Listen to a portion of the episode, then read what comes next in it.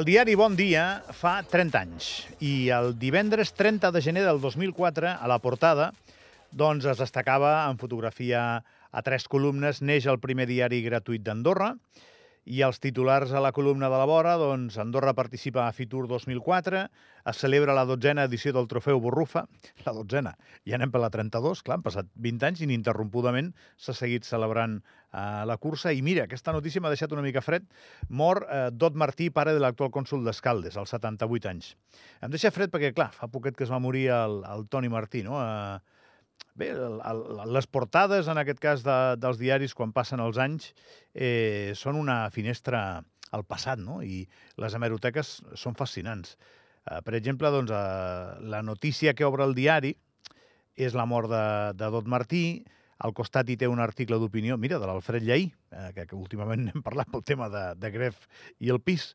Doncs, eh, bé, doncs, eh, també em fan gràcia algunes coses, que són els noms. Eh, quan vas a l'editorial del diari, la primera directora diria que és Eva Pereira, que ara mateix, si m'interroguen, no, no recordo qui és Eva Pereira, que segurament eh, de recordar qui és. Jo hauria de recordar-ho perquè tinc edat com per recordar-ho, no? perquè doncs, vaig tenir aquest exemplar fa 20 anys a la mà, segurament. Va ser una petita revolució, el diari Bon Dia, perquè era gratuït.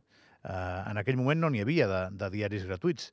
Me'n vaig a la informació internacional. 10 morts i 43 ferits a un atemptat suïcida a Jerusalem. 20 anys després, eh? Doncs eh, hi ha coses que, que lamentablement doncs, eh, no canvien. Poden canviar la forma i, i poden canviar el nombre de, de morts i la desgràcia, però, però segueixen així. Iker Casillas, segon millor porter del món. Bueno, eh, després al final jo crec que va aconseguir ser, ser el millor. Eh?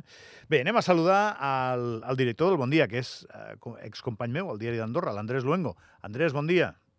Dia, què tal? Per molts anys. Bueno, gràcies, gràcies. Estic fet un xavalet, com veus. Bueno. Jo i tots els meus companys de la redacció. 20 anys no són res. Sí, home, bé, ja han passat 20 anys, eh? Qui, qui ho havia de dir? Estàs d'acord que el Bon Dia, quan va arribar... On estaves tu quan va arribar el Bon Dia? Estaves al diari?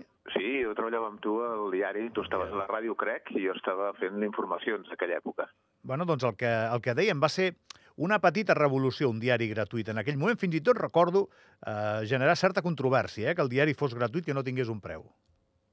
Sí, bueno, això ho explicarà millor el Carles, que és qui, qui va tenir la, la idea visionària d'importar aquest, aquest format de diari gratuït que, que llavors estava en auge a Espanya i a Catalunya, i, i ell explicarà d'on li va venir la idea i l'empenta d'arriscar-se a fer una cosa inèdita aquí, no? I encara ara eh, els diaris gratuïts a baix a Espanya han anat de baixa mm, bastant, en canvi nosaltres ens hem mantingut eh, amb una eh, saludable amb un estat ben saludable, però han anat de baixa, en canvi aquí no.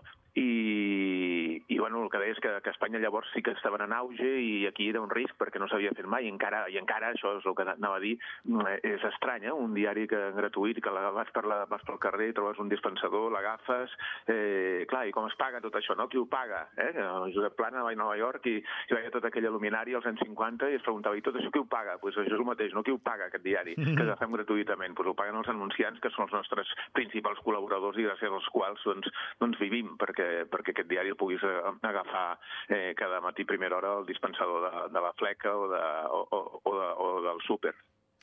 I està avançant el món, bueno, ha avançat eh, Andrés a una velocitat que cada vegada quedaran menys diaris que, que compris eh, en un quios de paper i que paguis un preu per ells. Eh, igual acabaràs pagant una subscripció, no dic que no, però de fet jo em pago un parell, eh? però no, no, no és evident. O sigui, això ha canviat molt el negoci en 20 anys. Ui, sí, això t'ho explicaran millor els, els quiosquers, però jo que hi he parlat i parlo cada dia perquè jo compro encara dia el diari, un o dos, eh, ells ho explicaran perfectament, però, però per exemple el quiosc de la Trenca, que és el, el, el meu, diguem, i, el, i, el, i un dels dos eh, quioscos que queden en realitat a, a peu de carrer, perquè l'altre és el Caltoni, crec que es diu aquí a Escaldes, a l'Avinguda de Passebre, a part del supermercat i les benzineres, eh, aquests quioscos que queden, eh, jo els hi pregunto, i quants en veneu? Doncs al cap de dia igual venen 20 exemplars, no?, en total. I això és, és, és heroic, és, és una cosa absolutament heroica que, que continuïn venent diaris per vendre 20 exemplars, que, que si fas el càlcul, si de cada diari guanyen eh, 20 cèntims, 20 per 20 euros, que són 4 euros, no? Dius, és, és, és heroic. O sigui, que encara hi hagi gent que, que es dedica a vendre diaris, és un miracle, i, i, que, i que hi hagi gent que els escrivim i els publiquem, i empresaris que hi aposten, també.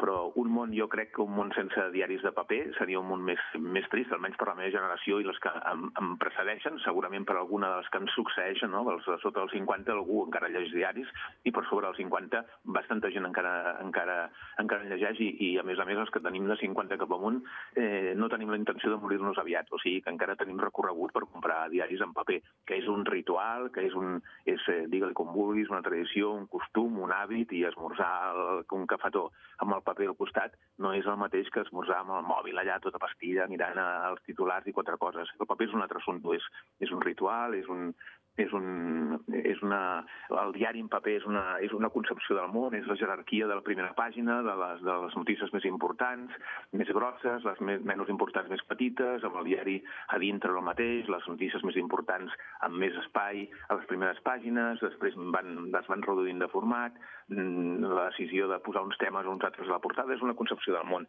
una concepció del món ordenada que t'ajuda a entendre el que passa i, i, que, i que a més a més requereix la teva participació com a lector, perquè si no la completes tu, no, el diari són, com totes les coses, llibres, són, són, són objectes morts, o sigui, requereixen una interacció de, de lector per, per completar el sentit de tot plegat. En un minutet, Andrés, eh, heu tingut una idea que quadra molt amb una celebració com aquesta, un 20è aniversari, però que és un mal de queixals, ho sap qualsevol persona que hagi treballat amb un mitjà de premsa escrita, que és canviar la maquetació. Eh, tenir una nova imatge, una cosa que fa molta il·lusió, però repeteixo, sempre dona moltíssima feina. Això content? Sí, molt satisfet, molt satisfet. Eh, fins que no veus en paper no tens dubtes de com quedarà perquè, perquè és diferent veure en, en imprimir-ho en un paper de, de dinar 3 o dinar 4 o veure la pantalla, ja et fas una idea, però fins, fins avui al matí, les 8 del matí, que hem corregut tots, eh, bueno, eh, almenys hem corregut al dispensador abans que s'acabin, i ho veus, no, no dius, quedarà tan bé com, com, com ho veiem a, a, a la pantalla, pues sí, jo crec que ha quedat tan bé i millor i la feina que han fet els, els dissenyadors de, del diari Bon Dia en un temps rècord, perquè no hi han estat més d'un un trimestre fent-ho, això van començar a planejar-ho i a, i a parlar-ne al mes d'octubre, des de setembre-octubre, i, en, i en tres mesos, amb unes eleccions pel mig, han, han sigut capaços de, de, de rentar-li la cara, actualitzar-ho, sobretot. O sigui, no, no, no, no teníem una mala maqueta, simplement una, una maqueta que tenia 10 anys. Eh, fa 10 anys va tenir el seu, el seu, el seu, el seu moment i el seu sentit, i, i, i ara tocava renovar-ho, els 20 anys han sigut l'excusa, i ens ha quedat una cosa, la consigna era una maqueta neta, clara, ordenada, zen i minimalista. Jo crec que ens ha quedat, ens ha quedat exactament això, que és el que volíem. Canvis substancials si em deixes mig minut, eh, a part de la capçalera, sí. que és evident, eh, que hem optat per un color en lloc de dos, eh, la, el tipus de, la font de les lletres que és més arrodonida, més, més esbelta, més, més llegidora. Si ens fixem, tots els diaris eh, nacionals d'Espanya i, i, i francesos tenen aquest tipus de lletra amb serifa, que és aquesta coseta que hi ha sota de les lletres per, per fer-les una mica més atractives. I a dintre, sobretot, hem, hem pujat, no, això el lector dirà, ui, hi veig alguna raro. Sí, hem pujat mig punt el cost de la lletra, o sigui, el, el, el, la mida de, la, de, la, de les lletres del text i això es nota, es nota perquè és més llegidor, és més fàcil, no està tan espès, és més, és més, més àgil, una lectura més àgil que és el, el, que, el que buscàvem, perquè al final som un diari popular que tu t'agafes pel carrer i llegeixes si, doncs, caminant pel carrer o, o mentre esperes l'autobús o mentre esperes la consulta del metge. No me'n recordo qui era Eva Pereira, Andrés Luengo, però bé, ja, ja em vindrà. jo tampoc. Tu tampoc. Abans ho estava mirant, avui ho estava mirant, i aquí és la directora de Pereira, doncs tampoc me'n recordo, i també l'hauria d'haver conegut, però fi. Una abraçada i, i, i per molts anys, Andrés, fa 20 anys, sí senyor. Gràcies, gràcies.